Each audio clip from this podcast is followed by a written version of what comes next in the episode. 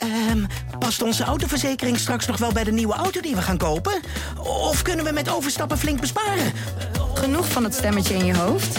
Even Independeren. Daar word je altijd wijzer van. Vergelijk nu en bespaar. Welkom bij Independer. Deze week in Panorama het bizarre leven van een aap met twaalf vingers. Wat een slechte keuze. We willen een Japon zien met achteruitrijcamera en lichtmetalen. Zalm in witte wijnsaus. De 75 beste tijdschriften lees je onbeperkt in één app. Waaronder Panorama, Quest, Story, Autoweek en Viva. Start je gratis maand op tijdschrift.nl. En daarom is het voor Finn ook mega logisch gewoon dat je ouders bij elkaar zijn. Dus die snapt niet waarom moet jij met deze gast, met Thomas, wie is hij? Je bent mijn vader niet. Welkom bij Mama BV, de podcast van Viva Mama, waarin ik, Anna van den Bremer, bekende moeders vraag hoe zij het allemaal regelen. Een eerlijk gesprek over werk en ambitie, opvoedstruggles en hoe je ervoor zorgt dat je niet helemaal gek wordt. Welkom allemaal. Het is weer tijd voor een uh, nieuwe aflevering van Mama BV. En vandaag zitten we op het kantoor van een uh, echte power lady hier in Amsterdam. En dat is José Woldering. Hoi José. Dankjewel, welkom. Heel leuk dat we bij jou op bezoek uh, mogen komen. Ik ga jou direct even introduceren bij de luisteraar. José is 33 jaar en oprichter van de Media Nanny. Een bureau dat PR doet voor heel veel grote namen uit de muziekwereld. Onder andere David Guetta. Mm-hmm. Ze is moeder van Finn, die acht jaar is. In december wordt hij negen. Um, en jij bent, uh, nou, je hebt een best wel veel bewogen jaar, geloof ik, achter de rug. Verhuizing vanuit ja. Groningen naar Amsterdam. Klopt. Ja. En ik vond ook een leuk detail in jouw, uh, jouw leven dat jij uh, daarnaast ook nog op hoog niveau paard rijdt. Ja. En ik vraag me echt af, hoe, vind je daar de tijd voor? Naast je ook je veel eisende baan. Dus daar gaan we het ook allemaal over hebben. Ja. Ik heb zelf vroeger ook paard gereden. Oh, heel goed. Dat is altijd de beste connectie. Ja. Zeg ik altijd als met iemand praat die ook iets met paarden heeft, dan uh, kun je gelijk uh, connecten. Ja. maar ja, bij mij kwam het niet echt verder dan de rondjes in een manege. Ik geloof, okay. Jij zit wel op een heel ander niveau nu. Maar nou ja, vind ik leuk om met jou ook zo uh, over te hebben. Um, en toen ik zo jou, jouw facts of life een beetje aan het bekijken was, zou ik jou eigenlijk veel ouder inschatten dan je bent. En dat komt niet vanwege rimpels. Je hebt een prachtige huid. Maar gewoon uh, ja, de feiten dat je als 33-jarige vrouw een zoon van acht hebt. Mm -hmm. Een bedrijf dat al lang loopt en goed loopt. Mm -hmm. uh, ja, dat je bepaald geen laatbloeier bent. Eerder een vroegbloeier, als dat een woord is. Ja. Uh, ja, kan jij je vinden in die analyse? Ja, ik zeg ook wel eens... eh, ik, soms heb ik het gevoel dat ik al een paar levens erop heb zitten. Want ik was inderdaad uh, nou, voor mijn 25ste had ik een kindje, was ik getrouwd, had ik een eigen bedrijf. Uh, dus ja, ik was redelijk vroeg al daar waar andere mensen misschien dat op een latere leeftijd doen of hebben. En waar komt die haast vandaan, als het haast is? Ja, ik denk wel dat ik altijd erg uh, streberig ben geweest, ook in mijn jeugd. En dat als ik een, een kans zie, dat ik er gelijk achteraan ga en uh, niet, misschien ben ik ook wel een beetje ongeduldig. Mm -hmm. um, aan de andere kant lopen dingen ook zoals ze lopen. En blijkbaar heb ik dat op zo'n manier gemanifesteerd dat ik heel vroeg in deze business kwam, waardoor ik aan het werk kon en uh, naast mijn studie daar ook een bedrijf naast kon hebben. Finn, mijn zoontje, was niet gepland, maar wel een onwijze liefdesbaby en heel welkom. Um, dus ja, en eigenlijk, ik heb vroeger, je hoort wel eens mensen die zeggen als je vijf bent, oh, ik dacht dat je veel ouder was. En, en toen was dat heel leuk. Dan denk je van, oh ja, cool. Ja, ja, ja. Nu wil je dat helemaal niet meer als je 33 bent. Dus en ik had ook altijd wel oudere vrienden. Dus ja, het, inderdaad een vroegbloeier. En andere mensen zeggen zo, of een oude ziel. Of mm -hmm, wat het ook is. Het is, ja. uh, het is wat het is. Ja, ja. En voordat we beginnen, echt beginnen met het gesprek, hebben we altijd een uh, korte vragenrubriek. Ja. Vragenvuur, waarin ik jou nou ja, wat vragen voorleg. En je moet gewoon lekker antwoorden wat er in je opkomt. Daar gaan we. Mm -hmm. Hier hadden andere moeders mij wel voor mogen waarschuwen. De eerste zes maanden. Ga ik je zo naar vragen. uh, mijn favoriete moment van de dag. Ja, dat is inmiddels wel uh, met, met Finn schommelen. Finn heeft een schommel in zijn kamer. En ik ben erachter gekomen dat hè, je kunt ook heel veel lezen. En natuurlijk had zo'n momentje voordat ze gaan slapen. Maar dat, dat moment dat we dan tien minuten gaan uh, ouwe hoeren met de schommel. Dat, dat is. Oh ja. eh, nu vind ik een heel leuk moment. Omdat je zelf ook een beetje je gedachten uitzet. Ja. En is dat dan ook een goed moment om met hem even te kletsen? Zo Ja. van hoe was de dag? eh, Er komt meer uit als ik met hem schommel over van alles en nog wat dan wanneer ik, hè, als je uit school komt, vraag hoe was het op school, want dan weet hij het niet of eh, komt er geen antwoord. En als we gaan schommelen, komt er een soort ontspanning in. Ja. Workaholic of huismus? Workaholic, maar eh, hou wel van het huismus eh, bestaan. Of in elk geval het, zij- als ik enigszins een soort huismus kan zijn en lekker keuvelen thuis, dan eh, doe ik dat heel graag. Dit weten mensen niet over mij. Mm.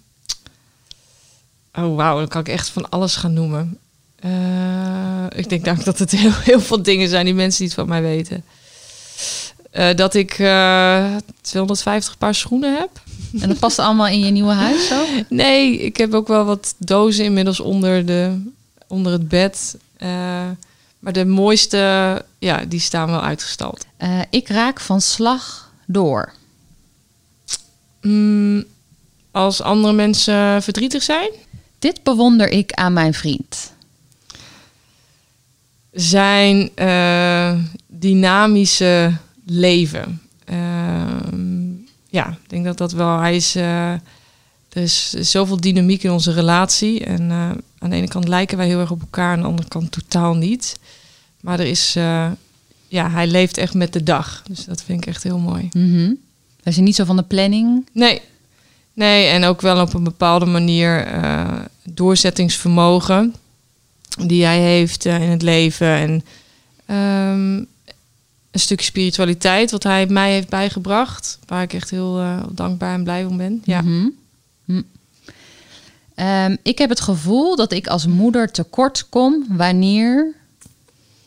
Ik moet reizen voor werk. Hm. Ja, Dat komt nu minder voor, denk ik, dan klopt. voor corona. Zeker. Maar ik heb wel het gevoel dat het zo meteen wel weer wat meer gaat aantrekken.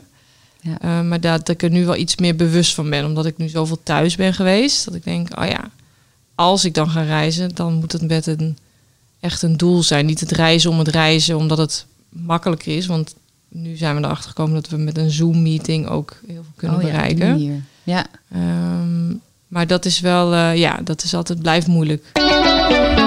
Even eh, te beginnen bij het eh, begin. Jij zei het net al even, van eh, voor je 25ste werd je moeder. Ehm, ja, hoe, hoe ontdekte je dat? Want je zei net al van het was niet gepland. Dus Ja. je had niet het idee van ik wil jongmoeder worden, maar het gebeurde toch. Ja, Nou- Schrok je of was je direct helemaal blij? Ehm, ja, ik heb ergens altijd ehm, het gevoel gehad dat het niet zo makkelijk zou gaan. En het komt omdat ik eh, in mijn tiende jaren eh, had ik wel eens ontstoken eierstokken. En dus ik weet nog wel dat de dokter een keer zei van... nou, hè, als je ooit zwanger wil worden... dan is het goed om eh, wel even de dokter te raadplegen... om te kijken of dat allemaal goed gaat. En op de een of andere manier, als dat één keer in je leven is gezegd... dan is dat zo imprinted en neem je dat overal mee naartoe. Dus dat heb ik ook altijd bij me gehad. Ehm, maar ik was wel aan de pil toen ik eh, zwanger raakte van mijn ex-man Felix. Eh, en ik weet dat we hadden een feestje gehad en een gigantische ruzie. En toen zei hij de meest onmogelijke opmerking die een man kan zeggen: moet je ongesteld worden of zo? Uh-uh. En ineens dacht ik, ah, eh, wanneer was ik ook alweer? Wat zette wanneer- jou aan het denken? Ja, toen ineens dacht ik, oh ja, inderdaad. Want ik had al dan eh, mijn stopweek. Nou goed, in elk geval, we kennen dat als vrouw allemaal. En ehm, toen zei ik, nou, dan toch maar morgen vroeg een test doen. En dat heb ik gedaan. En eh, toen was ik inderdaad zwanger. En ik, ik geloof dat het echt een soort vijf minuten stilte was. Even in laten zinken. En dat we elkaar aankeken van ja, nou, dit gaan we gewoon doen, toch? En ehm, vrij snel onze ouders opgebeld. En ehm, ja, iedereen was eigenlijk heel positief. Er was niet een moment van, eh, oh mijn god, hoe gaan we dit doen? En dat is ook niet echt hoe ik eh, in het leven sta. Weet je wel, oké, dit is zo. Tuurlijk gaan we alle obstakels eh, tegenkomen, maar ja, dat voelde gelijk. Ik vond het onwijs leuk om zwanger te zijn. Van het eerste moment tot, tot de bevalling. Zeg Ja. maar. ja. En hoe was dat voor jou? Want jij was toen al met je bedrijf begonnen. Ja, Dat liep ook allemaal al. En ik kan Ja. me voorstellen, het is altijd lastig van werk en een baby. Maar ik kan Ja. me in jouw industrie voorstellen dat er nog iets meer een botsing is... dan dat je bijvoorbeeld de plaatselijke kleuterjuf was geweest, zeg maar, in Groningen bijvoorbeeld. Ja, nou het scheelde dat wij natuurlijk al ehm, deels in Amsterdam werkten en woonden. Hè, daar hebben we altijd het appartement gehad. Ehm, en toen dus net hadden besloten om terug te gaan naar Groningen. Omdat ik eh, het paardrijden heel erg miste en ook een beetje rust wilde. Ehm, mijn bedrijf was toen net in een soort ehm, ja, trein, in een soort stroomversnelling gekomen. Omdat ik steeds meer artiesten tekende. En het fijne was wel dat je eh, op de een of andere manier, ik, had, ik kreeg heel veel energie tijdens mijn zwangerschap. Ik had onwijs veel zin om van alles te doen. Dus ik was heel productief. En ik heb nooit een belemmering gehad, ook fysiek niet. Ik heb geen last gehad van eh, misselijkheid. En. De dag van de bevalling was ik nog een persbericht aan het schrijven en uitsturen. Dus ik kon dat in die zwangerschapsperiode echt best wel goed combineren. Ja, Ehm, en tegelijkertijd, ja, je hebt natuurlijk echt al, je kunt altijd tijd maken om leuke kleertjes te, ah, weet je, te kopen en de babykamer in te richten. Ik ken niemand eh, die moeder wordt die zegt, eh, nou nee, daar heb ik geen tijd voor, want dat is natuurlijk een van de allerleukste dingen om, eh, om te Mhm. doen. ja. Dus ik heb het nooit als een belemmering gezien. En ik denk wel, ehm, als ik toen niet zwanger was geraakt op die manier. eh, en we later daar dan echt een soort van bewuste beslissing over hadden moeten maken. Dat ik toch misschien het had uitgesteld. Omdat het toen eigenlijk steeds drukker en drukker en drukker werd. Ja. En het, er kwamen steeds meer artiesten en moest steeds meer reizen. En ja, dan ga je misschien minder snel zeggen van... oh ja, laten we daar nu voor gaan. Omdat er nooit eigenlijk echt een moment is dat het uitkomt. Ja, dus eigenlijk kwam het, eh, kwam het heel goed zo voor mij. Ja, gewoon onverwacht, maar Ja, dan, ja. En, het, en weet je, dat is ook, zegt ze ook wel eens dat als er één ding is wat je leven ordent, dan is het een kind. Want dan is het er en dat gaat ervoor zorgen dat je inderdaad een bepaalde regelmaat moet Ja. gaan creëren. Want was dat ook zo voor jou? Heeft het ook eh, jou als, bijvoorbeeld als carrièrevrouw eh veranderd? Het, Mm, het feit dat je een kind kreeg? ja, ik denk wel dat er een hele hoop. ehm, kijk, ik ben nooit iemand geweest die, ondanks dat mensen het misschien verwachten, omdat ik in een industrie werk, hè, de entertainment, veel feestjes en partijen, maar ik was nooit echt een partygirl. Dus ik heb nooit het uitgaan gemist. En hè, ik heb ook bewust die keuze gemaakt om weer in Groningen te gaan wonen. Om lekker kneuterig op de bank met een dekentje en de, de open haard aan. En de volgende ochtend paard te kunnen rijden. En Mhm. Ehm, dat huismusserige, dat, eh, dat vond ik daar wel heel prettig. Dus eh, ik had ook niet het gevoel dat dat in mijn privéleven iets, iets belemmerde. En qua werk, eh, nou ja, ook natuurlijk omdat je met z'n tweeën bent. Natuurlijk, je moet heel veel plannen samen. En eh, nou ja, mijn ex is muzikant, die, die had ook een, best wel een, ehm, een onrustig bestaan. ja. Maar daardoor werkte dat op dat moment best wel goed. Ehm, en ik ben natuurlijk heel blij dat hij dus ook niet een 9 tot 5 baan had. Dus als ik echt weg moest naar kantoor of naar Amsterdam, dan hè, kon hij er voor Vin zijn. En eh, dus Ja. op de een of andere manier heeft dat heel goed, eh soort van organisch is dat eh, gegroeid. Maar dat wil niet zeggen dat er nooit strubbelingen waren of frustraties. Of weet je, als ik echt ergens was en dan nog, nog langer moest blijven. En ja. Ehm, maar ik denk wel dat het, als ik misschien als ik niet zo vroeg moeder was geworden, was je ook niet zo ver gekomen met het bedrijf, omdat je toch een bepaalde volwassenheid krijgt of zo. Ja, Mhm. misschien heel cliché, maar je gaat toch een heel je- wel een soort metamorfose van meisje naar moeder. Ja, het plaatst heel veel dingen in perspectief. Ja, onwijs. En het is zo'n cliché en daarom zeg ik ook van het is echt niet allemaal roze geur maanschijn. Ik heb echt, daarom die eerste zes maanden vond ik echt Ja. vreselijk. Wat vond je er vreselijk aan? Nou, omdat je er niet op voorbereid bent dat je bent zo naar die bevalling aan het toewerken, wat dan volledig anders gaat dan dat je wilt of hoopt of eh, verwacht. Hè? Want je kunt honderd boeken lezen en, en honderd planningen hebben, maar Want hoe had jij het verwacht? En hoe, en eh, nou, we hadden dus het huis in Groningen en helemaal, eh, ja, dat is een prachtig herenhuis en eh, een van de slaapkamers eh, met hele hoge ramen en mooie gordijnen. Die eh, hadden we helemaal zo ingericht met kaarsjes of een lekker thuis bevallen met de huisarts die mij ook ter wereld heeft gebracht. Oh, romantisch idee. Ja.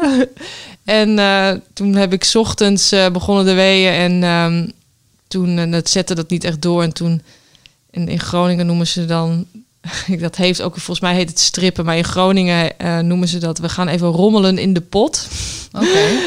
Dus dat ze toch even losmaken dat het wat plastisch. Ja. en eh, dus toen ben ik even naar de dokter gegaan, want die woont echt een kilometer van mij vandaan. En die heeft het toen gestript en toen ging het wat sneller. En, maar toen was het tien uur s avonds en ja, toen weet ik nog wel dat, nou, toen werd het wat heftiger. En toen was hij weer langsgekomen, maar het kwam nog steeds niet, nog steeds maar een centimeter ontsluiting. En toen dacht ik, oké, nou toch de nacht maar doorkomen dan. En toen braken mijn vliezen en toen brak letterlijk de hel los. En dat was echt, ja, Acuut echt wees hoor. Wow, ja, mm. mega. Maar het ergste was dat ik, we hadden een kat die was een heleboel aan het onderkotsen. Het was storm buiten. De, nou, letterlijk echt een, een, een, een hel. Of, nou ja, die kaarsjes, daar heb je niet zoveel aan gehad nee. Eh, op dat moment waarschijnlijk. dus toen heb ik de dokter ook gebeld van... oké, je moet nu komen. Nou, die kwam natuurlijk gelijk. Uh, alleen die ontsluiting, dat schoot niet op. Dus die zei toch van... nou, in deze situatie met alle heftigheid... Uh, laten we maar naar het ziekenhuis gaan. Mm. Toch uh, ruggenprik en met hem zo'n pompje. Ik weet niet hoe dat heet. En toen was ik helemaal helemaal zen was ik. En toen was het ook binnen vier uur was ja. er ook. Ja. Maar het is grappig omdat je dan, hè, dat is dan waar je helemaal niet op voor kunt voorbereiden. En wat best wel bijzonder was, mijn moeder was daar ook bij naast Felix. En nou, dan ga je naar huis toch met die maxicosi zo. Dan komt er een kraamverzorgster. Nou, dat vond ik ook allemaal heel heftig om iemand in huis dan te hebben die dan zo interfereert bij je hele huishouden. Dat is mhm. allemaal niet een relaxte week. Tenminste, ik heb dat niet zo ervaren. Nee. En ik was ook nog wel een soort van aan het werk nog steeds. Dat ging allemaal een beetje door. Ik kreeg heel veel... Je zat in je kraambed nog wel met Ja, ik vond het eigenlijk ook wel fijn. Weet je, als Vin dan sliep, dat ik een soort van even, even niet erover te hebben. Of niet te moeten sms'en met mensen en, en de felicitaties. Uh. Ja. Uh, maar die eerste zes maanden, ik vond het gewoon ja, sowieso het niet slapen. En oh man, jongen, alle vragen die je hebt en hoe zorgen je kunt maken. En je wilt het zo graag goed doen. En, en pas na die e-, eerste zes maanden dacht ik, oh ja, oké, nu voel ik dat het een beetje gaat landen. En er komt een soort regelmaat in. Maar ja. er is niemand die zegt, ga er maar vanuit dat die eerste zes maanden redelijk kut zijn. Nee. Nee, je moet het echt allemaal zelf uitvogelen. Precies, de eerste keer helemaal. Want er zullen natuurlijk misschien nu mensen luisteren denken... nou, hè, stel je niet zo aan en uh, er zijn echt allemaal goede manieren voor. En, uh. en um, je had het net ook al even over het reizen, wat jij natuurlijk mhm. veel voor je werk uh, hebt gedaan. Um, hoe, hoe regelde je dat dan als Vin thuis was? Nou ja, in eerste instantie mm -hmm. natuurlijk vroeger dan met, met zijn vader. Bleef ja. hij dan thuis of had je ook opa's en oma's? Ja, opa's en oma's. Um, mijn moeder die woonde natuurlijk in de buurt in Groningen. Dus ja, daar sliep hij eigenlijk al vanaf geboorte geregeld. En dat was eigenlijk zijn tweede huis. Hè, omdat Felix natuurlijk ook wel eens vaak weg moest voor uh, optredens. En wat is het langst wat je, wat je dan wegging aaneengesloten van huis? Ik denk dat de langste ooit mm, drie weken. En dat kwam eigenlijk omdat we hebben elk, elk jaar in maart heb je Miami Music Week. Het is een beetje het Amsterdam Dance Event, maar dan in Amerika. En dat duurt een week. En Twee weken daarna heb je Coachella. Dat is ook een heel groot festival. En normaal gesproken dan kun je dus teruggaan en daar weer heen. En volgens mij heb ik toen een keer besloten om dan maar dan in Amerika te blijven. Ook omdat zo'n gedoe is om heen en weer. Oh man, toen was ik op een duur al halverwege die week in Miami. En dan wist ik, ik moet hier nog zo lang zijn.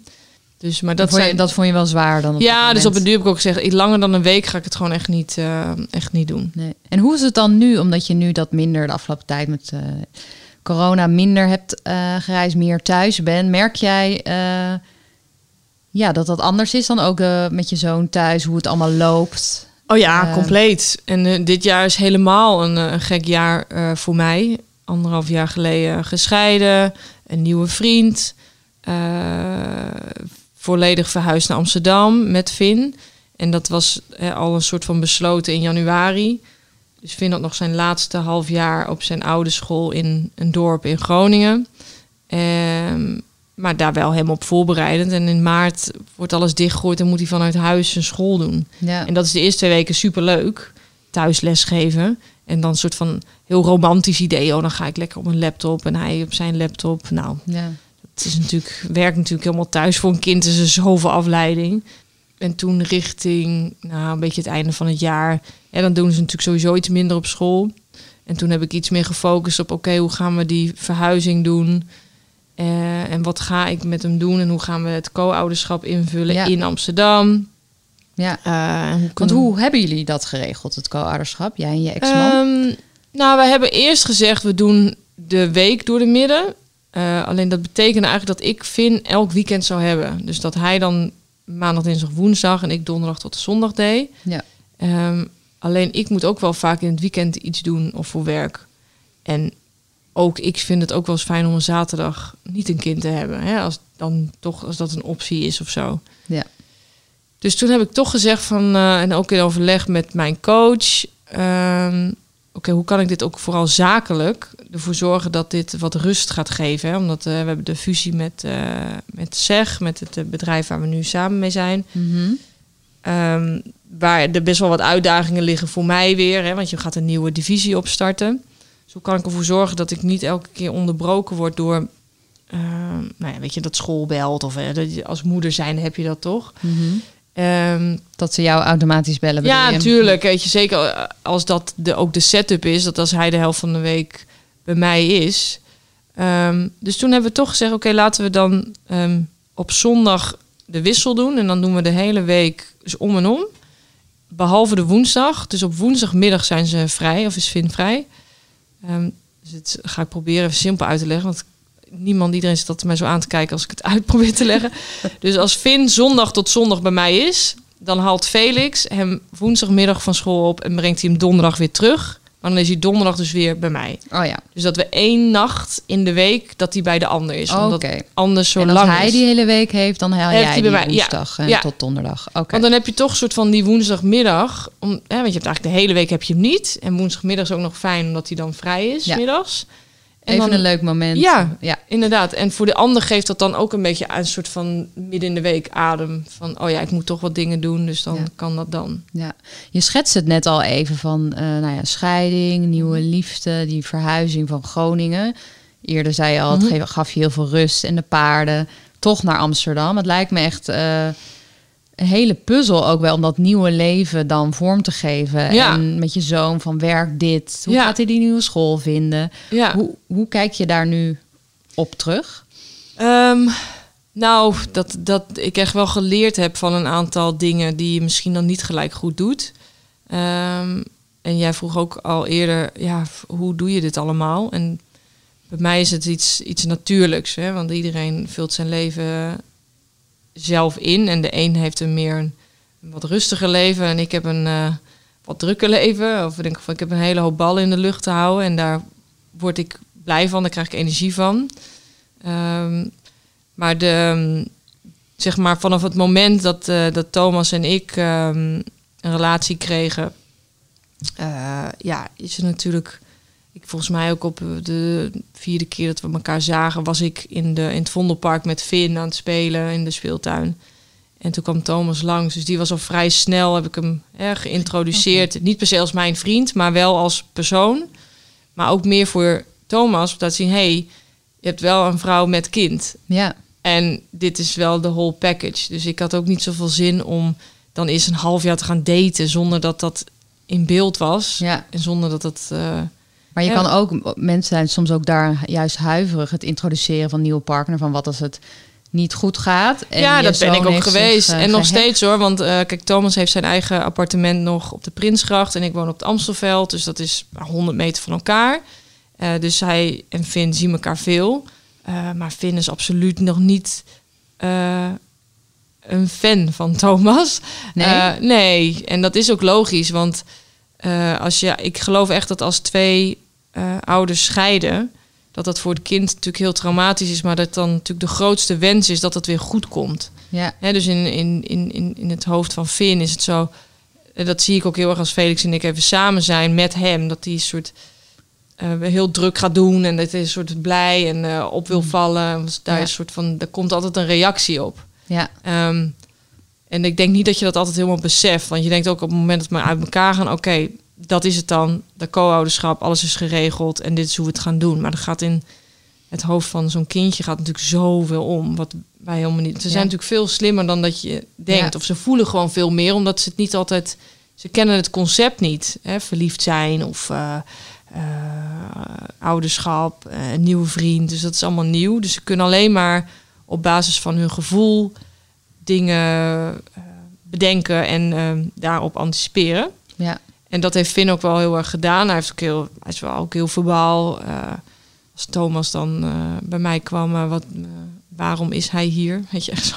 Ja, knijt maar ziet hij Thomas, uh, jouw nieuwe vriend, ja. wielrenner, ziet hij hem ook als een, ja, soort toch wel een indringer? Ja, absoluut. En ik moet zeggen, ik vind het heel knap hoe Thomas daarmee omgaan. Want dan, kijk, Thomas is iemand die heeft een, uh, redelijk leven ook al achter de rug. Dus we hebben allebei onze, onze bagage. Maar uh, ook voor hem om met iemand te gaan die getrouwd is geweest, met een, een kindje uit een ander huwelijk en ook tegelijkertijd zelf weer een, een, plekje in Nederland, zijn plek in Nederland een beetje eh, op te bouwen. En ja, het is wel veel. En hij is onwijs gek met kinderen. Hij houdt onwijs van kinderen. Maar als je dan niet, als je er zoveel in stopt, maar je krijgt er eigenlijk niet zoveel voor terug. Ja, is natuurlijk heel frustrerend. Ja. En ja, ik zit er dan een beetje tussen, omdat je denkt van, ja, doe nou vind, doe nou eens even lief. Maar ja, dat kun je helemaal niet forceren, want ik, het is een kind doet wat hij voelt. Ja. En je wil hem ook niet het gevoel geven dat hij het verkeerd doet. Want hij mag dat ook allemaal voelen. En, ja. en hoe ga je ermee om in de zin, ben jij dan iemand als je dus, nou je loopt tegen zoiets aan, ga je dan opvoedboeken lezen? Of hoe, toch ook een beetje, hoe ga ik hiermee om? Wat... Ja, nou ik ben wel iemand um, waar ik zelf niet de oplossing kan vinden, zoek ik hulp, zeker. Dus ik heb een, uh, een coach voor mijzelf. Ik heb ook een coach uh, voor Finn, Natasja. En zij... Uh, uh, elke week gaat hij daar een uurtje heen.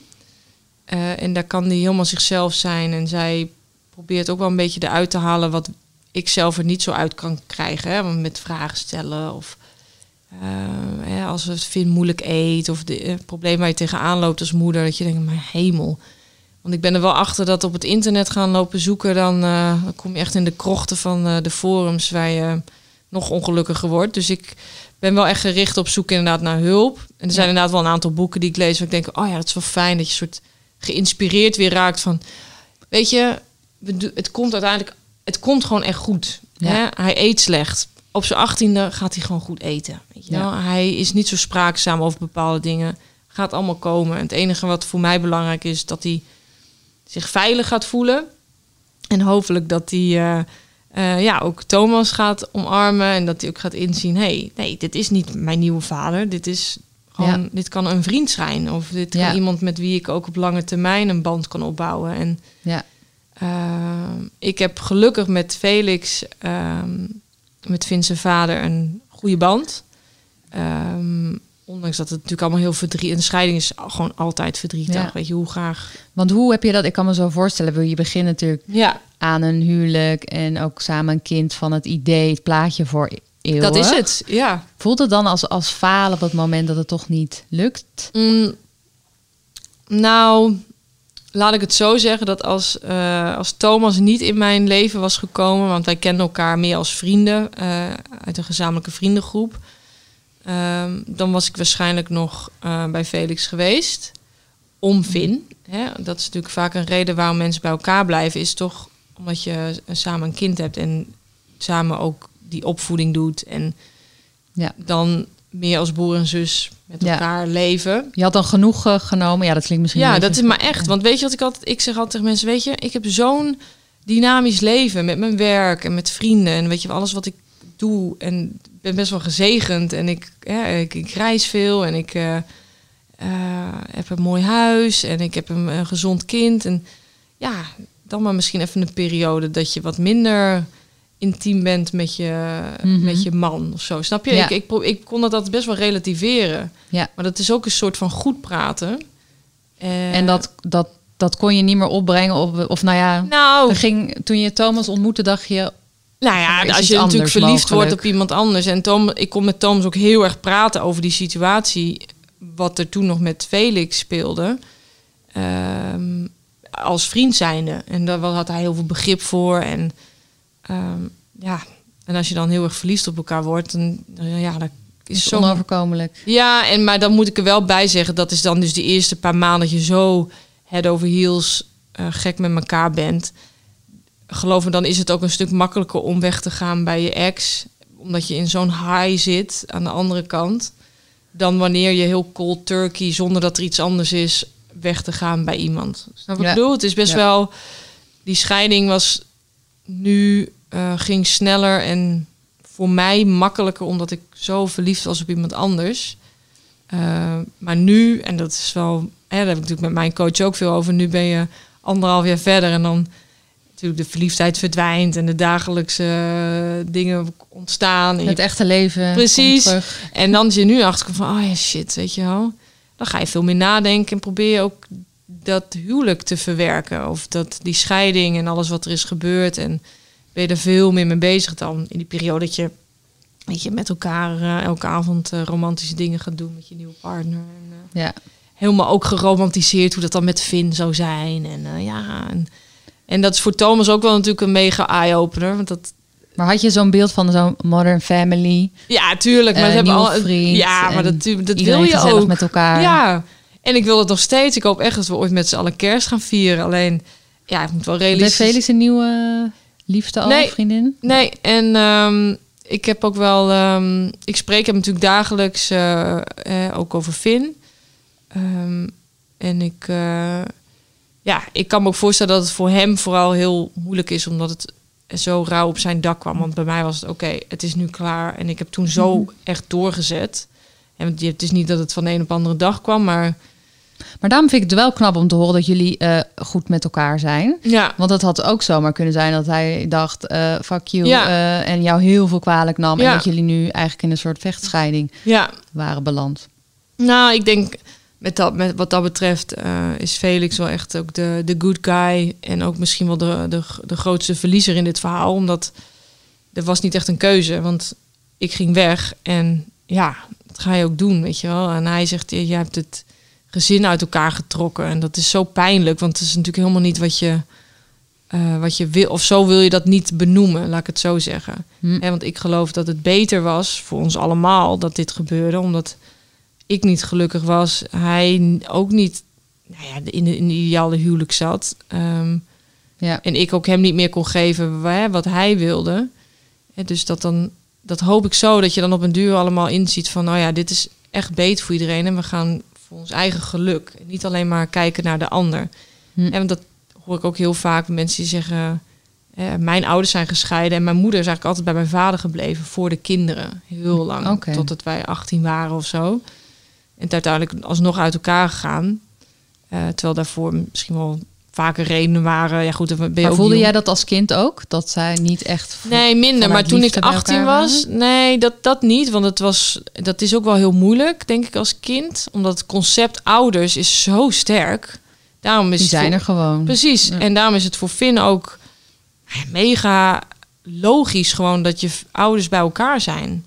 Dus die snapt niet waarom zijn jullie niet bij elkaar? Waarom moet jij met deze gast, met Thomas, Weet je, wie is hij? Je bent mijn vader niet, weet je, dat benoemt hij dan. Ja. Uh, waar bemoei je je mee? En het is een soort van indringer. Dus dat is natuurlijk een hele bedreiging. Maar dat heb ik nooit zo gevoeld toen ik jong was. Um, Maar speelt het wel mee dat je nu dit bij je moeder hebt gezien in jouw keuze hoe jij het hebt aangepakt? Van ik ga niet eindeloos blijven hangen. Um, nou, ik denk dat, uh, dat mijn moeder ook genoeg reden had om, om wel te blijven. Even behalve de kinderen. Alleen ik weet ook dat het een heel groot onderdeel was van hè, om de kinderen om er te blijven. En ook omdat je iets creëert samen. Hè. Als je samen een huis koopt en iets opbouwt en ergens woont en samen vrienden hebben. Het is wel echt fucking moeilijk om te zeggen, weet je, ik ga weg en uh, we zien het wel. Het is echt een van de moeilijkste dingen. En ik denk, mm, toen mijn moeder weg, nou ja, nu is ze gelukkig weer getrouwd en mijn vader ook. Dat het voor nu zie ik dat het voor iedereen helemaal te gek en beter is. En ja. we vieren gelukkig samen kerst, dus met mijn beide ouders ja. en de nieuwe partners. En ze wonen in hetzelfde dorp, dus het is allemaal uh, helemaal cool. Ja. Dus ja, ik heb daar wel een beetje een ideaal beeld bij. Alleen ik weet ook dat dat niet altijd de realiteit is, toch? Nee. Nee. En je had het over, nou ja, van in Groningen, de paarden, de rust. Uh, dat, dat is er nu niet meer. Hoe, uh, ja, hoe vind jij nu rust en uh, kalmte in je leven naast alle ja. drukte? Ehm, nou, toch wel. Ik, ik vind het dus heel fijn dat Finn in Amsterdam is. En dat als ik dus met hem ben, en zeker die week dat ik hem eh, fulltime heb, als hij niet naar school gaat natuurlijk, dat je dan dus daar de rust in vindt. En dat je heel, uh, heel dom drie uur lang aan een Lego-constructie zit met z'n tweeën. Mm Of origami, pompoen, Halloween poppetjes maakt. Wat overigens echt heel leuk is. Wat dat betreft is YouTube ook heel ingewikkeld. Ja, nee, maar YouTube is wel alles hoor. Qua tutorials. Als je niet zo'n knutselmoeder was, dit kun je gewoon echt gaan worden. um, en uh, ik heb de paarden iets meer deze kant op gebracht. Dus ik ben gewoon weer drie keer in de week aan het trainen. Okay. En ook wedstrijden. En ik ben laatst ook weer uh, naar het buitenland voor een internationaal wedstrijd uh, weg geweest. Maar drie keer per week. Ga je dan gewoon na werk ja, kleed je om en ga je daarheen? Of? ja, of dat? dus s ochtends. Dus in de weken dat ik vind niet heb, dan heb ik s ochtends iets meer vrijheid. Dus dan sta ik om half zeven op en zorg ik dat ik rond de acht uur op paard zit. En dit is een professionele stal, hè, dus daar moet je wel, en waar je normaal zelf de stallen moet mesten, daar is alles redelijk goed geregeld. Ja. En zij trainen mij ook, dus het is heel voor mij super efficiënt en ja, onwijs dankbaar, want ik word er zo blij van. Ook omdat het niet in Amsterdam is. Dus je rijdt uh, een half uur richting Putten. Je bent daar gewoon weg. even weer in de ja. landelijke omgeving. En uh, ja. in de stallen. En ja, ik word daar, dat is voor mij wel echt een, een uitkomst. Ja, en waarom, wat, wat is het, wat gebeurt er met jou als je dus bij die stallen komt en bij je paarden bent? Van, is dat, ja, ervaar je dan die rust en even dat je ja. met werk bezig bent, kan je dat dan helemaal achter je laten? Onwijs. Want dat is het enige moment dat ik ook en niet op mijn telefoon kan zitten. Um, en ook de onrust. Uh, wat heel veel mensen vind ik zo knap als je dan die zijn zeggen wel zo, oh, we gaan naar de sportschool of ik ga naar mijn yoga klasje en dan ik even helemaal voor mezelf. Ik heb dat dus niet. Als ik een uur in een yoga klasje zit, dan tussen de oefeningen door heb ik toch gedachten met werk of hè, wat voor dingen dan ook. Uh, ook omdat het dan misschien vaak dicht bij huis is. Dus je weet ook over tien minuten sta je gewoon weer thuis uh, mm-hmm. aan de afwas.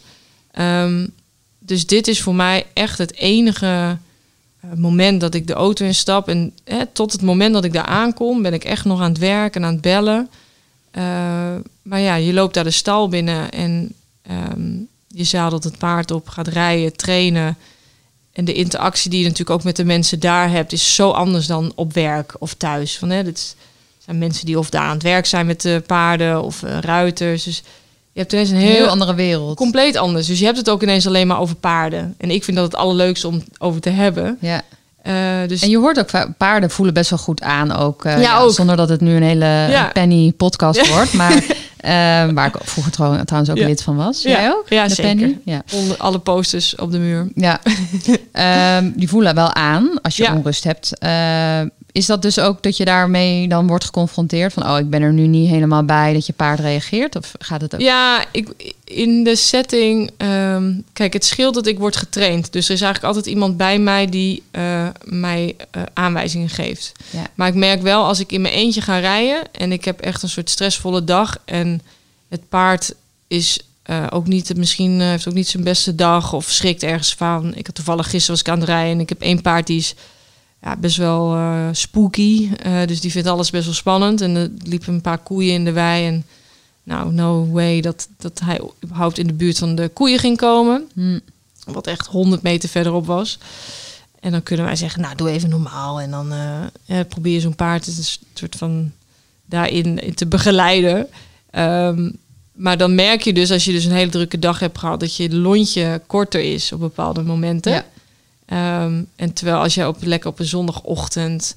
Man, weet je, dan boeit het me echt niet dat hij van die koeien schrikt. Weet je wel? Mm-hmm. Nou, José, uh, we zijn al lekker uh, een tijdje aan het praten. Ik wil je heel erg bedanken voor, uh, ja, voor je openheid. De tijd vloog echt voorbij. Ja, goede dag gewenst. En ik wil jullie allemaal heel erg bedanken voor het luisteren naar deze aflevering.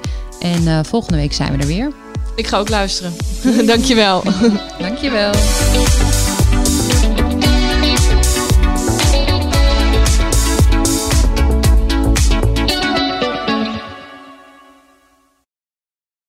Nu in Nieuwe Revue, zon, zee... En zoete aardappels met honingmosterd. Even opschuren en twee keer afvlakken met... Oom Donald, kwik, kwek. En een lekkere dikke Linda. De 75 beste tijdschriften lees je onbeperkt in één app. Waaronder Nieuwe Revue, Margriet, VT Wonen, Donald Duck en Linda. Start je gratis maand op tijdschrift.nl.